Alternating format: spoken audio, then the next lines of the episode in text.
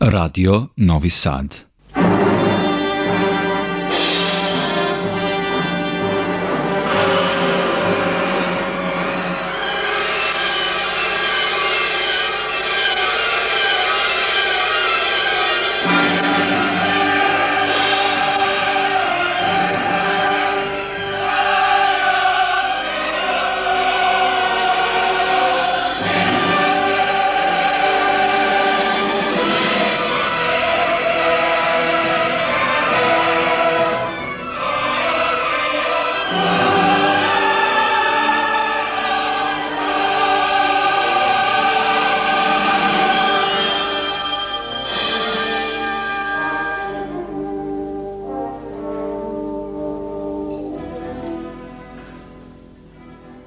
Dobroveče, poštovani slušalci. Vi pratite program Radio Novog Sada, još jedno izdanje emisije Vokus Humana. Kao što ste vi to navikli, a mi smo ustalili, koncepcija naše emisije zamišljena je tako da stvari, ljude, fenomene i običaje pokušamo da prikažemo iz onakle izmeštene vizure, da stvari priblažimo i da ih pogledamo iznutra. Neretko posežemo za dekonstrukcijom stereotipa, a ljudima koji su zaslužni po bilo kom osnovu razgovaramo tako da ih otrgnemo od zaboreva, koje je verovatno večiti jedini i najgori presuditelj, kome smo mi, ne mislim na narod generalno, nego i na region, možda čak i na planetu, veoma skloni u smislu neke kolektivne amnezije, do koje ne bi trebalo da dođe, bar kada je naša sredina u pitanju. Ovog puta sa radošću predstavljam svoje sagovornike. Mi ćemo govoriti o profesoru, maestru Rudolfu Bručiju, čovjeku koji je mnogo učinio ne za naš grad, ne samo za region. Ja bih rekao da je taj internacionalizam se do kosmopolitskih razmera razvijao. Na mnogo područja polivalentno i zaista multifokalno. Pričat ćemo o njemu jednim jako interesantnim povodom. Naime, u fondaciji Rudolfa Bručija, čiju okusnicu sačinjava porodica, unuka Ana Marija, sin Rudolf Bruči mlađi i Marko Bruči, Pronađene su notni zapisi kompozicija koje jesu izvedene, neke su od ranih radova, neke su poznate, ali koje nikada nisu tonski zabeležene. Naš povod je upravo snimanje koje ovih dana treba da se realizuje i mi ćemo uskoro imati i krajnji rezultat, dakle snimak koji će biti na raspolaganju da se emituje kompozicija koja je do sada ni poštovoci Bručeve muzike i ljudi koji su samo zainteresovani da prošire svoje horizonte nisu bili u prilici da čuju. Sa nama su večeras Ana Marija Bruči, unuka, dobroveče i dobrodošla, program Radi Novog Sada. Hvala, dobroveče. Reći ću samo u par reči, ti se baviš marketingom, slučajno si iz oblasti marketinga, živiš u Italiji, iako si rođen u Novom Sadu i jako je plemenit gest što si definitivno inicirala celu ovu priču, ne samo oko fondacije, ne samo oko udruženja, ne samo oko događaja koji su u minulim vremenima se odigrali kada je u pitanju izvođenje i festival sam, kome smo pre šest godina mogli da prisustujemo, kada je proslavljeni maestro Ilma Lapinč dirigovao zapravo u sinagogi kada su izvedena dva Bručeva dela. Zatim, gospodin Rudolf Bruče mlađi, bazično tonski snimatelj, saradnik radija i televizije celog života, čovjek koji je odrastao u jednom okruženju, jednom miljevu koji je bio i muzički i bojemski, pun prelepih i možda nekad i gorkih pritisaka različite vrste. O tome će nam više reći naš prijatelj, profesor dr. Nemanja Softić, koji je jedan od ljudi koje bih izdvojio, mnogo ljudi je pisalo Rodolfo Bručiju i pisalo i govorilo pametno.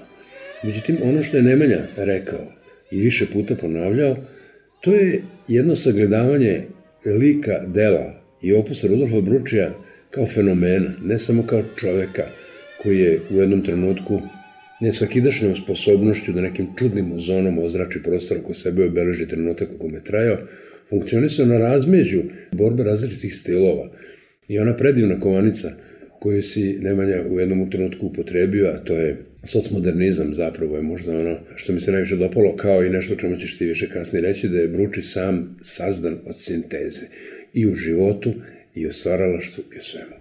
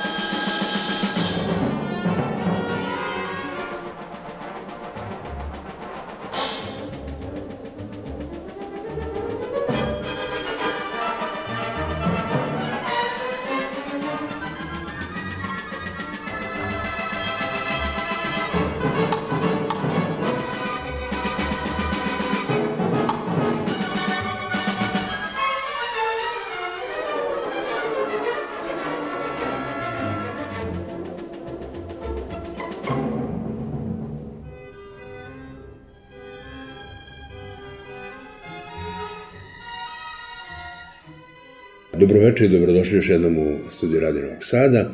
Ja bih za početak zamolio da kažemo nešto samo kako je došlo do uopšte pokretanja ovog projekta da naše proslavljene prijateljice i koleginice, umetnice, članice kvarteta Taj, koju dobro poznajemo, i naša vokalna umetnica Rada Orgić Đurđovan izvedu i snime, konačno tonski zabeleže ova dela koja su pronađena. Hoćeš ti, Marija, da nam kažeš? Nemojmo zaboraviti vrsnu pijaniskinju Nevenu Soptić. E, tako je koja takođe sarađuje u ovom projektu i isto tako perkusionistu Darka Karačika, tako je. koji je spremno pristao da ima jednu malu, ali značajnu ulogu u jednoj od kompozicija. Do svega ovoga je došlo jednim logičnim procesom, ako to mogu tako nazvati. Zapravo od samog osnivanja fondacije pokušavamo malim koracima, nekad čak i vrlo sitnim koracima, da održimo na životu ne samo sećanje, već i da udahnemo novi život delima mog dede, Rudolfa Bručija, kako ona ne bi u prvom redu pala u zaborav, a u drugom redu da ipak na neki način pokažemo koliko su ona još uvek živa, aktualna i interesantna za današnju publiku i nadamo se za današnje izvođače. Tako je, jako lepo. Kvartet Taj je pri tome jedan od naših omiljenih yes. prvih referenata ne samo zbog njihovog fantastičnog rada do sada, već i zbog toga što možda su jedne od najboljih umetnica koje na pravi način prepoznaju i donesu publici muziku 20. veka. Da, specifičan je način, pošto su one to već radile, na koji iščitavaju zapravo ono što bi već mogli nazvati uveliko klasikom klasikom gde se dodekafonija pojavljuje samo kao sredstvo, to je Nemanja jako dobro prometio više puta i bolje će nam pojasniti, to je njegova uža struka. Maestro Bruči jeste koristio dodekafoniju, ali kao sredstvo nikada se nije potpuno priklonio, niti je potpuno prihvatio, ili smatrao da ona nije dovoljno snažna da bude gradino sredstvo, ali može da bude nijansa u valerima nekih rešenja muzičkih. Tako da, definitivno, Rudolf Bruči je morao da stvara u kontekstu vremena i prostora u kom je živeo Nije mogo da piše kao što su pisali kompozitori ranijih vremena, a svi se slažu u tome da je išao ispred svog vremena i u tom smislu bio avangardan, ali ne avangardan u smislu evropske avangarde 60-ih. To smo imali, doživeli, preživeli, probali sve, ništa nas nije zadovoljilo, pa smo se vratili na neke prefikse, ne, na tonalnost i tako dalje. U onom trenutku mislim da je bio duboko i daleko ispred svog vremena.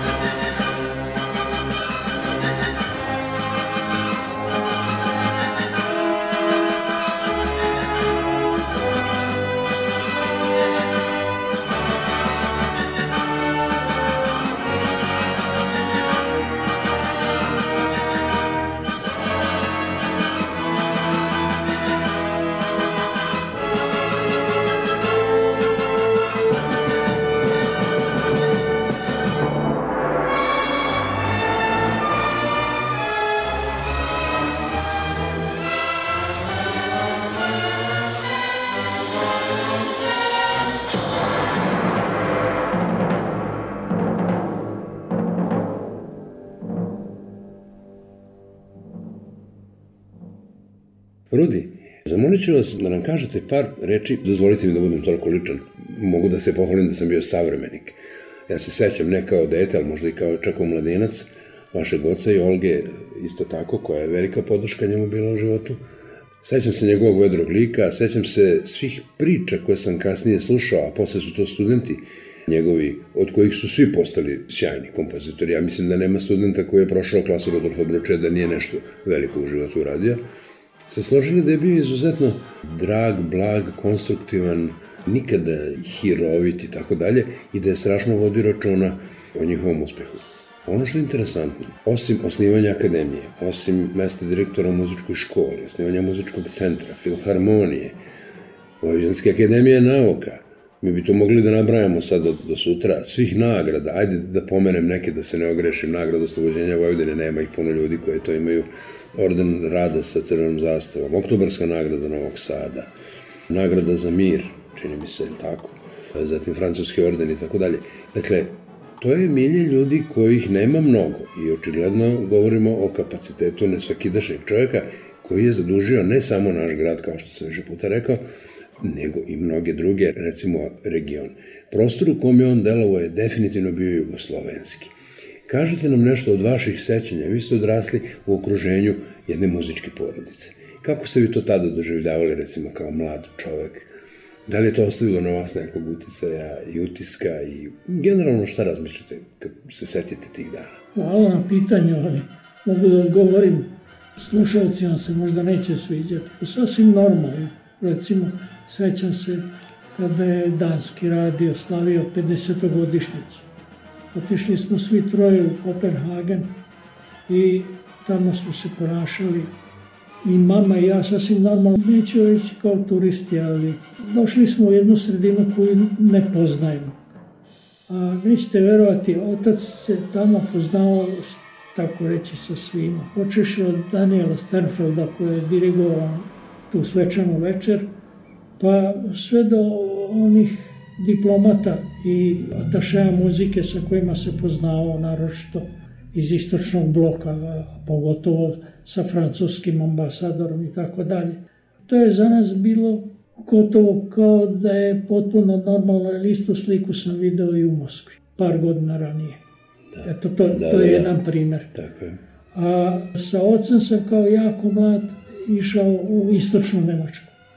I u istočnoj Nemačkoj smo posjećivali isto tako udruženja koja su već bila formirana i tamo su bili ljudi koji su se poznavali još sa studija iz Beča. Mm. Recimo, što je i sasvim normalno je to nemačko govorno područje. Tako Svi ti ljudi koji smo upoznali u, u istočnoj Nemačkoj, svi ti kompozitori su u stvari došli kao i tata iz Beča. E, to je jedna interesantna činjenica. Tako je. Druga jedna činjenica, recimo, tu ste spomenuli da je dobio francusku legiju časti za umetnike.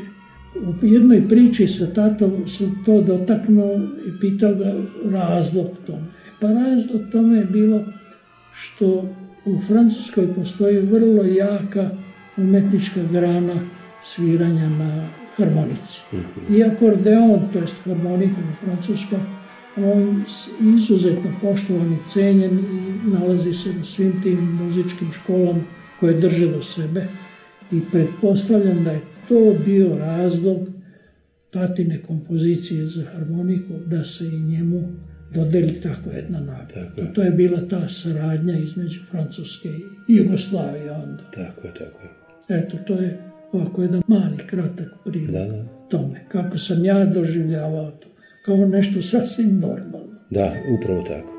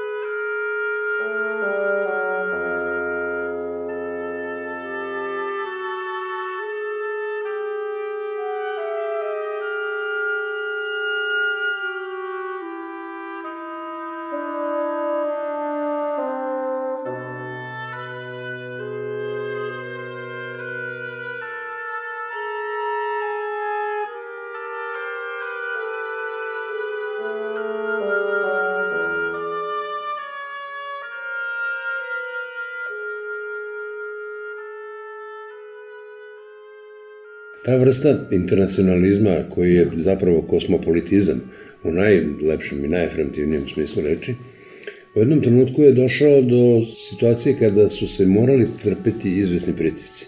Pritisci istorijski, pritisci društveni.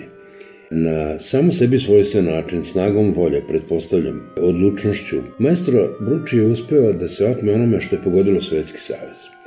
E, naime, kratku digresiju napraviti. Nakon prvog talasa svetske avangarde, kompozitori koji su tada pravili neka briljantna dela, vrlo progresivno, a koja su tada ostala zabunkerisana u depoima muzeja i galerija, pa su tu Roslavec, Mejtus, Mosolov i tako dalje, razni, njihovi nastavljači, znači Gubajdulina, jedan Šnitke ili Korndorf, nisu imali predstavu u tome šta su njihovi prethodnici radili, nego su absurdno dobijali informacije od nekih anahronih zaljubljenika s druge strane gvozdene zavese. E, tu je maestro Bruči napravio jako dobar otklon kada su se sukobili konstruktivno ili ne, ali u jednom trenutku je do, došlo do konflikta, društveni pritisci smisla proletarske umetnosti za proletarsku državu i istorijskih tekovina od kojih čovjek ne može da postane inertan. Mi moramo pratiti ono što se u svetu radi i živimo u tom prostoru. Nemanja, budi ljubazan, tvoja subspecijalnost kaže nam nešto tamo. Tvoje utiske. Jako mi je zanimljivo da slušam, nekako primećujem jednu vrlo interesantnu refleksiju onoga čemu sam i sam pisao, izgovarate to vrlo precizno i dobro ste mapirali neki prostor u okviru kojeg se kreće, čini mi se neka neophodno profilisana misla o Bruči u odnosu na sve ono što je radio. Da, to su te dvije vrste pritiska o kojima je dosta govorio muzikolog Richard Raskin generalno za kompozitore 20. veka, da su oni izloženi tom dvostrukom pritisku, s jedne strane istorijskom, odnosno pritisku te strele napretka koji kompozitore prinuđuje da menjaju svoje kompozicijno-tehničke jezike kako bi ostali dosledni tom odmaku od onog što je tradicija i išli u pravcu ka nekakvoj istraživačkoj, eksperimentatorskoj paradigmi u odnosu na onu tradicionalnu stvaralačku kakva je bila prethodno ustanovljena. A s druge strane, postojalo je sve veći pritisak izraziti na istoku, socijalističkom mm. istoku, gde je neophodnost da muzika bude u službi Na početku, naravno, to je bilo čisto propagandna proletarska umetnost, kako ste rekli, ali kasnije je opet postojao određeni zahtev da ona bude komunikativno na u slučaju. E, na zapadu nije bio takav slučaj, zapravo tamo se muzički akademizam već e, osamostalio i postoje nekakva parcijalna kultura, sama sebi dovoljna, nekakva kula od slonovača koja je zatvorena. Međutim, taj dvostruki pritisak istorijski i društveni da se bude istovremeno razumljiv i da se komunicira kroz svoje stvaralaštvo, a da se muzički jezik permanentno inovira, je pred mnogi kompozitore stavljao taj problem koji je kod nekih vodio u stvaralački grč, jer je bilo teško ili odrediti se za jedno ili za drugo, a malo ko je uspeo zapravo da pronađe način da ta dva pritiska, odnosno ta dva imperativa integriše u jednu vrstu pokretačkog motiva, kao što je Bruči to radio kroz neki svoj koncept muzike sinteze, kako sam ja to nazvao. Upravo tako, da. Odnosno kroz zadovoljenje dve vrste zahteva, on ih je tako nazvao, one konstrukcioni i one izražaje. Da. Dakle, izraz i konstrukcija ne smije biti u opoziciji, ne smije biti razvojeni, nego se da. međusobno dopunjuju i on je na neki način uspeva u tome da inovira svoj muzički jezik i da koristi konstrukcionistička muzička rešenja, ali mu je taj ideal izraza i muzičke ekspresije uvek bio pred očima i sledio ga. S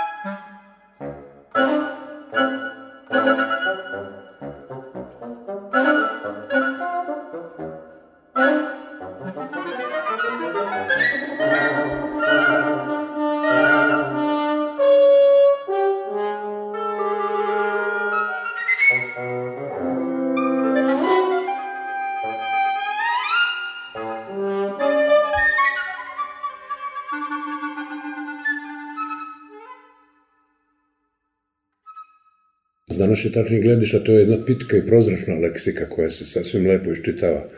Mislim, u odnosu na potonje, jel? Ali ovo si dobro jako primetio i ta reč je verovatno neka paradigma bi mogla da bude ta sinteza ličnog izraza i duhovne prefinjenosti. Kako u kompozicijenom radu, sa primjerom do dekafonije koju sam samo dotakao, koje je koristio kao sredstvo, ali se nikad nije potpuno preklonio, mi imamo širok heterogen habitus i tekstova, i literarnih predložaka, i ideja sa kojima je on radio. Od opere Prometeja do Gilgameša, od baleta Demon Zlata do dva koncerta za trombon, koncert za klarinet. Pominjem sad samo možda najznačajnije dela naravno Simfoniju Lestu 65. prvo mesto na prestižnom takmičenju kraljice Elizabete Belgijske. Međutim, te sam da kažem, ta vrsta balansa je preovladavala u celom njegovom životu. I mislim da je to možda tajna uspeha generalno negde bila, jer naći svoj lični put izraza i svoj jezik, tu neku svoju muzičku leksiku koja će biti razumljiva, a dovoljno savremena da prati svetske tokove, je u ono vreme bilo ispred svog vremena, čini mi se. Slažem se potpuno. Interesantno je da Bruči zapravo u tom smislu stila i muzičkog jezika nije ostajao isti. Zapravo vi kad uporedite njegova dela iz kasnih 40-ih, da, da, da. nego Rondo Giocoso i, na primjer, treću simfoniju, vidite zapravo tu jedan značajan odmak da. u pravcu ono što danas nazivamo konstrukcionizam ili nekakav neekspresionizam i tako dalje. Dakle, on je nekog nacionalnog klasicizma u kojem je tonalni muzički jezik i motivsko-tematski rad prevladavao, stigao dotle da komponuje jednu muziku baziranu na teksturnim, mikropolifonijskim plohama i tako dalje, ali uvek zapravo postoje neke konstantne koje se provlače da. i neki ujedinjući da. meridijani, kako ih ja zovem. Tako da u tom smislu on jeste bio dosledan, ali se istovremeno je stalno menjao, Tako. I zanimljivi su zapravo ta neka čvorišta, odnosno neki zaokreti kada je on relaksirao svoj muzički jezik tih imperativa, pa su naročito njegova kamerna muzika interesantna da, u tom smislu i meni je jako drago što imamo priliku zapravo da tu kamernu muziku sada polako izločimo iz naftalina i nudimo i slušalcima i ljubiteljima Tako. muzike, jer za njegove simfonije se zna, za I njegove opere se zna. I opere, da, da, da. Ali evo sad ovaj treći kvartet koji snimamo utorak 10. oktobra, ja sam pronašao podatak da on jeste izveden mm -hmm. i dakle on ga je pisao namenski i partiture iz koje smo prvo uradili notografiju i objavili je, a onda pomogli izvođačima. Ta partitura je nastala na osnovu jednog prilično sređenog rukopisa, ali to nije, nije autograf, odnosno to je bio prepis za izvođenje. Do kog izvođenja je to došlo, sad podaci nisu sačuvani i ja u trenutku ne mogu da se setim da li su sačuvani ti podaci, ali sigurno nije snimljeno i taj snimak nismo uspeli da nađemo. Tako da mi smo to delo praktično oživali sada.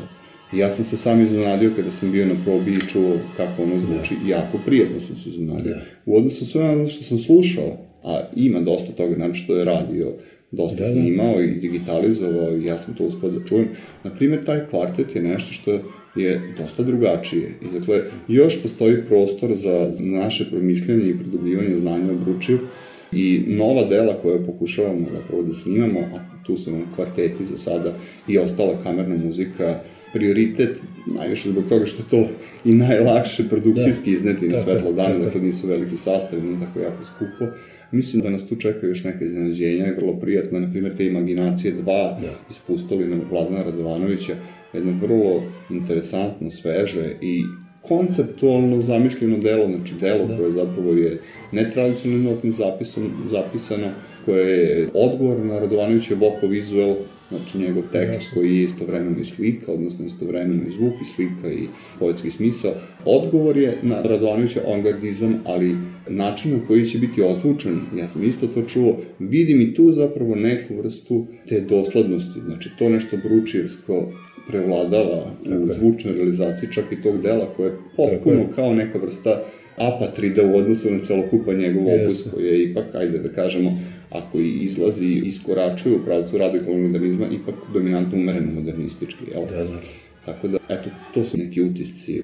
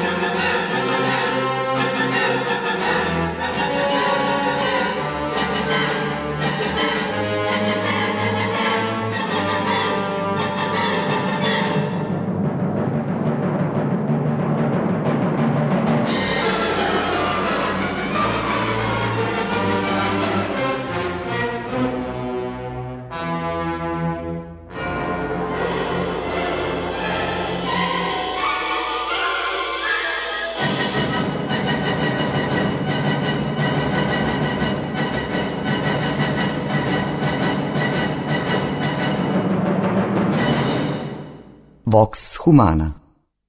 Interesantno je, čak možda i fascinantno, da u tom aktivizmu njegovom u osnivanju akademije, koja je jednom trenutku stekla ne samo status, nego je realno bila jedna od najprestižnijih muzičkih katedri na našim prostorima, ako ništa manje ono u staroj Jugoslaviji, gde je čak jedan Šnitke potpisao ugovor, gde je nakon deset godina, pa verovatno umiljavanja, moljenja, diplomatije, ne znam kakva sve sredstva nije uspevao da postigne, uspeo Oktava Enigaresku da dovede, koji je 14 tamo nekih uslova napisao, jer mu Novi Sad nije bio dovoljno atraktivan čovjek koji je žario i palio po svetskim operskim scenama, je smatrao da je možda Novi Sad pretrano marginalan za njega, ali došao je i ostao vreme iznedrio neke generacije sjajnih umetnika. To sad anegdotski pomenjamo, ali to su ogromni pritisci tipa funkcionerskih, recimo, ne, ne mislim kao političar, nego kao delatnik, jel? On je imao definitivno pomoć od svojih saradnika, ali neko ko je predodređen ili ko se postavi ulogu da bude taj koji će biti vođa, koji će gurati, ali ne onaj vođa koji prstom pokazuje napred da sedi na vrhu piramide, nego onaj koji sebe upregne u kajase, prvi pa vuče steno i viče za mnom, a ja bi to tako nekako doživao, je definitivno ostavio traga i svi smo se složili da je malo tužno da današnji studenti Evo, videli smo, recimo, možemo pronaći neke zapise da njegovi studenti pojedini, na primjer profesor Kalineta Avramović i tako dalje, kažu, ne znaju danas studenti, znaju kao deo istorije, kao kad biste ih pitali, znate za Isidora Bajića znamo, za Pačula, da, Morfidisa, da, ali ne, i suviše je blizu, i suviše je značajno da bi ostavili samo kao relikt prošlosti. Ja mislim da moramo i ovo, sve što radimo, ovaj mali projekat, on je mali, u moru svega, ali je strašno značajan. A zašto je značajan? Zato što otrša od zaborava. Zato što upravo nam približava i ne dozvoljava nam da zaborav prekrije nešto što ne sme da bude prekriveno. Bili ste ljudi sigurno svedok i toga da su i otac i majka, budući da su iz istog sveta, ja sam sličnu situaciju imao i moji su bili iz istog sveta, pa su se šalili, neka to je zajednička šala bila, mi nismo, kaže, 30 godina u braku, mi smo 60 godina u braku, budući da radimo isti posao, pa smo i na poslu i kod kuće zajedno. Sećate se sigurno svih njegovih putovanja, odlazaka.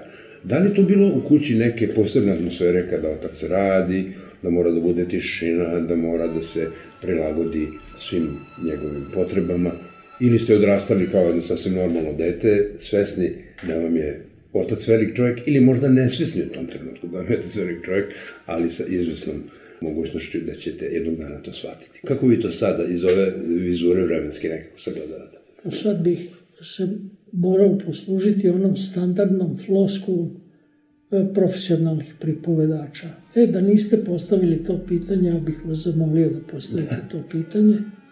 A ono glasi ovako. Šta je za Bručija značilo komponovanje? Hobi. Jer otac je to više puta svugde govorio da kompone iz hobija zbog vremena. On je isključivo bio, da se izrazim jednim ofucanim izrazom, kultur treger. Da. On je vukao konce muzike u Vojvodini, Novom Sadu s takvim žarom i energijom da recimo samo to što je spomenut, na primer Šnitke koje je već potpisao da će doći da profesuje. Više puta je bio moj otac i na Varšavskoj jeseni i na Praškom proleću. Zna se zašto. Zbog poljske škole moderne, zbog briljantne muzičke akademije i muzičara u Pragu, a u Pešti stvarno ne znam koliko je puta bilo. To vozom se skoči, za par sata se stigne u Peštu i sređivo je to sa, sa Kodaljem i uglavnom komunicirao tada što se ja sećam kad smo bili svi zajedno na Segedinskim letnjim igrama. Ali da je puno profesora doveo sa strane, u razgovoru sa mamom sam razumeo da želi da postavi prave temelje jednoj muzičkoj ustanovi. Da. Ja mislim da je u toj jednoj rečenici ili u tekstu sa mamom rekao sve. Postaviti temelje jednoj ustanovi takve da samo može da se zida na, na zdravim temelju. Da, da. E, to mu je bila intencija, pretpostavljam, od samog početka dok je u mislima hteo da oformi akademiju muzičku u Novom Sadu. Thank you.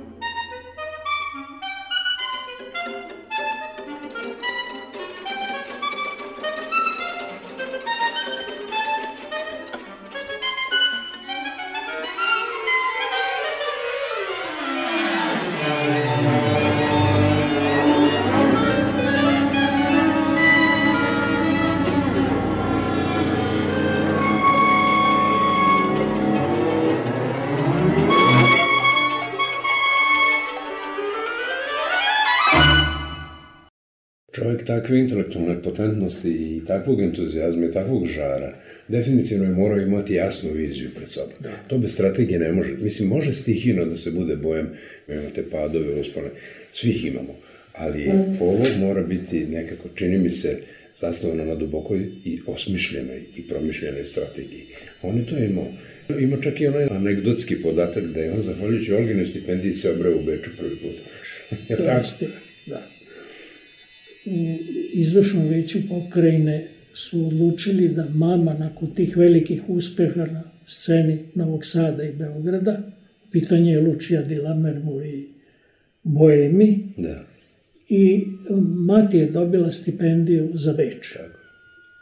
I mati je otišla u Beč, ali u pratnji oca, koji nije imao stipendiju, nego je moja baka, to je njegova mati, prodala instrument, to je klavir, bečki, i to je bila stipendija za mog oca, da. koji je pratio mamu. U dnevniku koji su pažljivo vodili njih dvoje se može i dan danas pročitati koliko su predstava za tih dva ili tri semestra oni pogledali u Beču koje je vrio od e, umetnika koji su se vraćali nakon rata. A, jer, kako vremena. da, jer je Beč još uvek bio okupiran do četiri velike sile. Ana Marija, moram da te pitam, ti si sama muzički obrazovana, ti si krenula dosta ambiciozno, davnih dana možda, nije važno, ali ta vrsta genetike nije mogla da te preskoče, rekao bih, ja? Ja se smejem jer ambiciozno mislim da je malo prevelika reč. Da, ja sam pohađala osnovnu i srednju muzičku školu, s tim da ta srednja muzička škola je zapravo bila samo studij instrumenta, klavira. Moja velika strast i moja velika želja je da budem balerina kao i sve mm. male devojčice. Ali danas se ne smatram naravno niti za muzičara, niti za naročito obrazovnu osobu što se tiče muzike, već za velikog uživaoca u muzici. Možda čak i štovaoca muzike. Apsolutno, da. Tako da na taj način ispoljivam to svoje nagnuće i nastavljam nekako stopama familije. Sigurno, pa neki motivi, neki porivi pre ili kasnije nađu načina bilo kakvog da se eksternalizuju, da izađu, da se manifestuju. Bez obzira što živiš u Italiji, što se baviš sa svim drugom nekom strukom, baviš se marketingom. To što je u tebi, to je moralo da nađe načina da se ispolji. Obrazovala si se muzički, što je već velika stvar jer ti sada drugačijim ušima razumevaš neke stvari, ti drugačiji pogled na partituru imaš tvoj otac koji nije profesionalni muzičar drugačije doživljava delo svog oca. Razumeš što ću da ti kažem? Tako da u celoj toj priči meni je jako drago da si ti nosilac negde, tako meni bar izgleda, cele ove lepe i plemenite priče. Neću da se vraćam na ono otežu od zaborava, ne, ali ispravlja malu nepravdu, jer grad koji je možda po najviše zadužen od celog prostora regiona, nekako čini mi se da ima tu manu ili kako god to nazvali, tog nekog anesteziranog duha da se ne odužuje baš adekvatno ljudima koji su ga zadužili.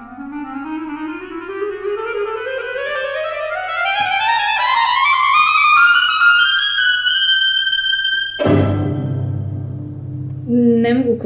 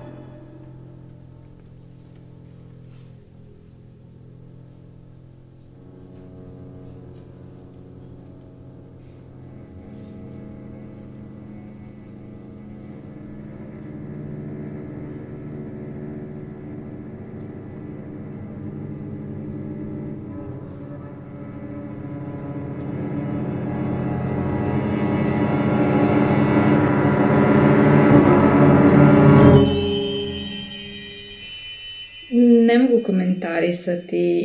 Ipak e, ja premalo vremena provodim u ovom prostoru. Dobro, da, da. Ipak sam više gost u gradu nego što ga doživljavam i radujem se, naravno, svim uspesima i događajima, kako muzičkim, tako i, ošte, i u drugim oblastima umetnosti.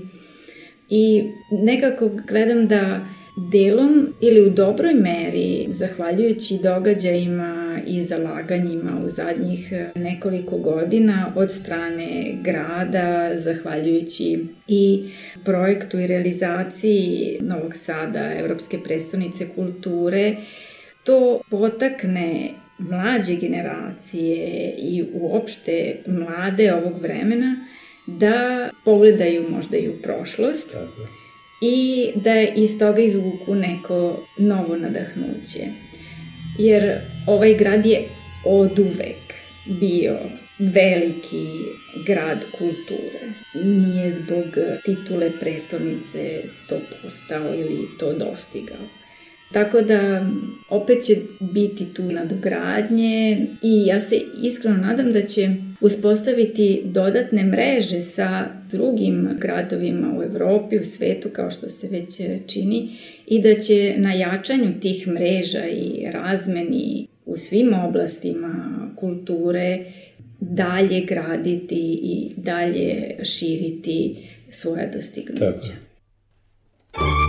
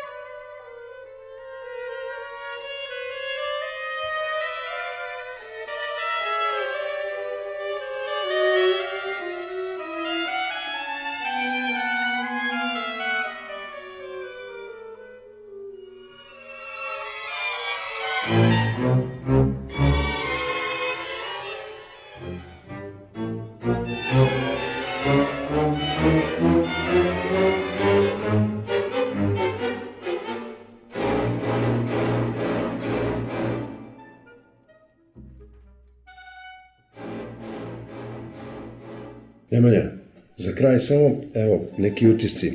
Novi Sad je uvijek imao publiku, to je definitivno. Mi smo imali taj procet, to to zlatno doba, koje se potrefilo sa angažmanom Rodolfa Broča. Imali smo Sevanje akademije, najjaču muzičku katedru, objektivno, procat u operi. Malo ko, uz dužno poštovanje njegovim prethodnicima, i Milošu Hadžiću i svima koji su posle došli, zna da su na daskama stare zgrade opere Srpskog narodnog pozorišta gostovali jedan Michele Moleze, Luigi Tolini, Eleanor Stiber, Mičeko Sonahara, samo nekih da se prisetim, Nikolaj Geda, Obrazcova. Tako da to i akademija i filharmonija jesu jedan grad koji ima predispozicije da bude kulturna predstavnica, da bude Atina, da bude... Dovedi to do ostvarenja, do životvorenja svih tih lepih ideja. Kao što su to možda neki prethodnici 19. veku radili na svojim poljima. Znači, u tome je veličina. A kako čovjek nastavlja da živi? Osim notnih zapisa po kojima mi prepoznamo i bardove istorije muzike i zvučnih zapisa, Bogu hvala, tehnologijom, mi to imamo i preko studenta. I jako mi je drago da mnogi od studenta i generacija koje je iškolovao zapravo pronose deo, ne onoga što im je utkao. Svi su se slagali da nikada nije bio ubeđivački raspoložen, ti moraš ovako. Ne, razvijanje ličnog pečata kod čoveka je verovatno najvrednije, on je toga zvesta bio.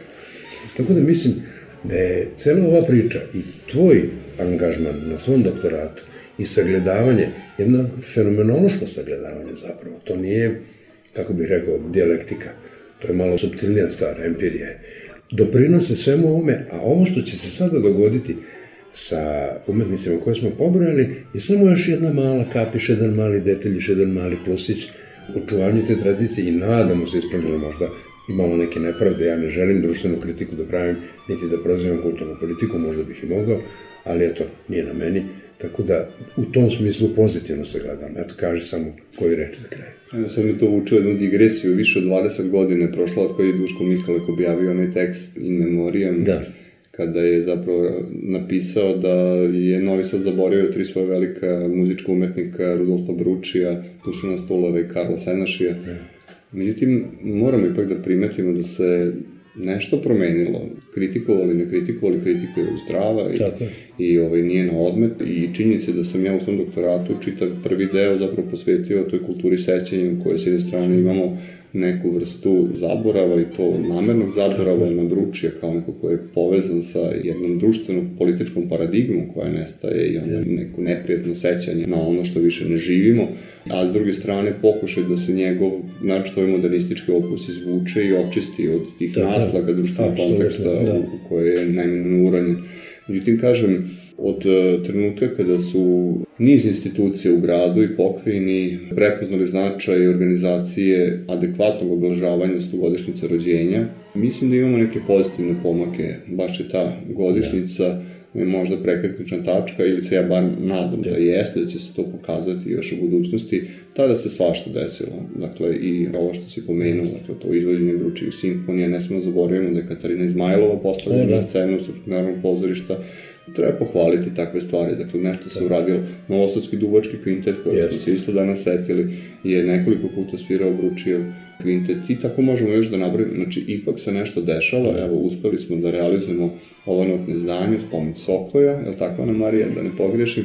Evo, sad ćemo zvučno zdanje uz pomoć pokrajine i, i grada. Tako da, ja se nadam da će institucije nastaviti da prepoznaju i možda malo intenzivnije da nam pomažu da Bruči dobije to mesto koje zaslužuje Tako. u našoj kulturi sećanja i istorije. Pretpostavljam da će fondacija biti nosilac, odnosno izdavač. Trebalo bi da bude izdavač sigurno, da, da. da li će biti jedini izdavač, da, to ćemo dobro, pogledati, da. možemo o tome pričati, svakako je to nešto o čemu treba razmišljati, najviše zbog distribucije. Čisto danas... etički razmišljam, da, napravno, da, da, da, da, da, da. Ja vam se od srca svima zahvaljujem. Moji sagovornici su večeras bili Ana Marija Bruče unuka, majstra Rudolfa Bručeja, marketinjski stručnjak koji živi u Italiji, ali nosi definitivno i jedan veliki pijetet, uspomenu, respekt i razumevanje dela svoga.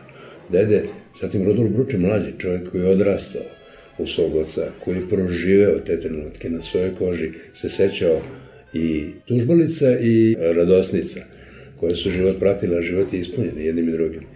I naravno naš najmerodavniji prijatelj, profesor dr. Nemanja Softić, koji nam je ovde kao glas razuma, jer mi smo možda svi malo skloni nekad da subjektivno izjavimo ili pomislimo nešto što ne odi u dobrom pravcu, ili ti si tu da nas ispraviš. Zato vam od srca blagodarim što ste nas udostojili vašim prisustvom u programu Radi Novog Sada. Još jednom hvala. Hvala. Također. Hvala. Música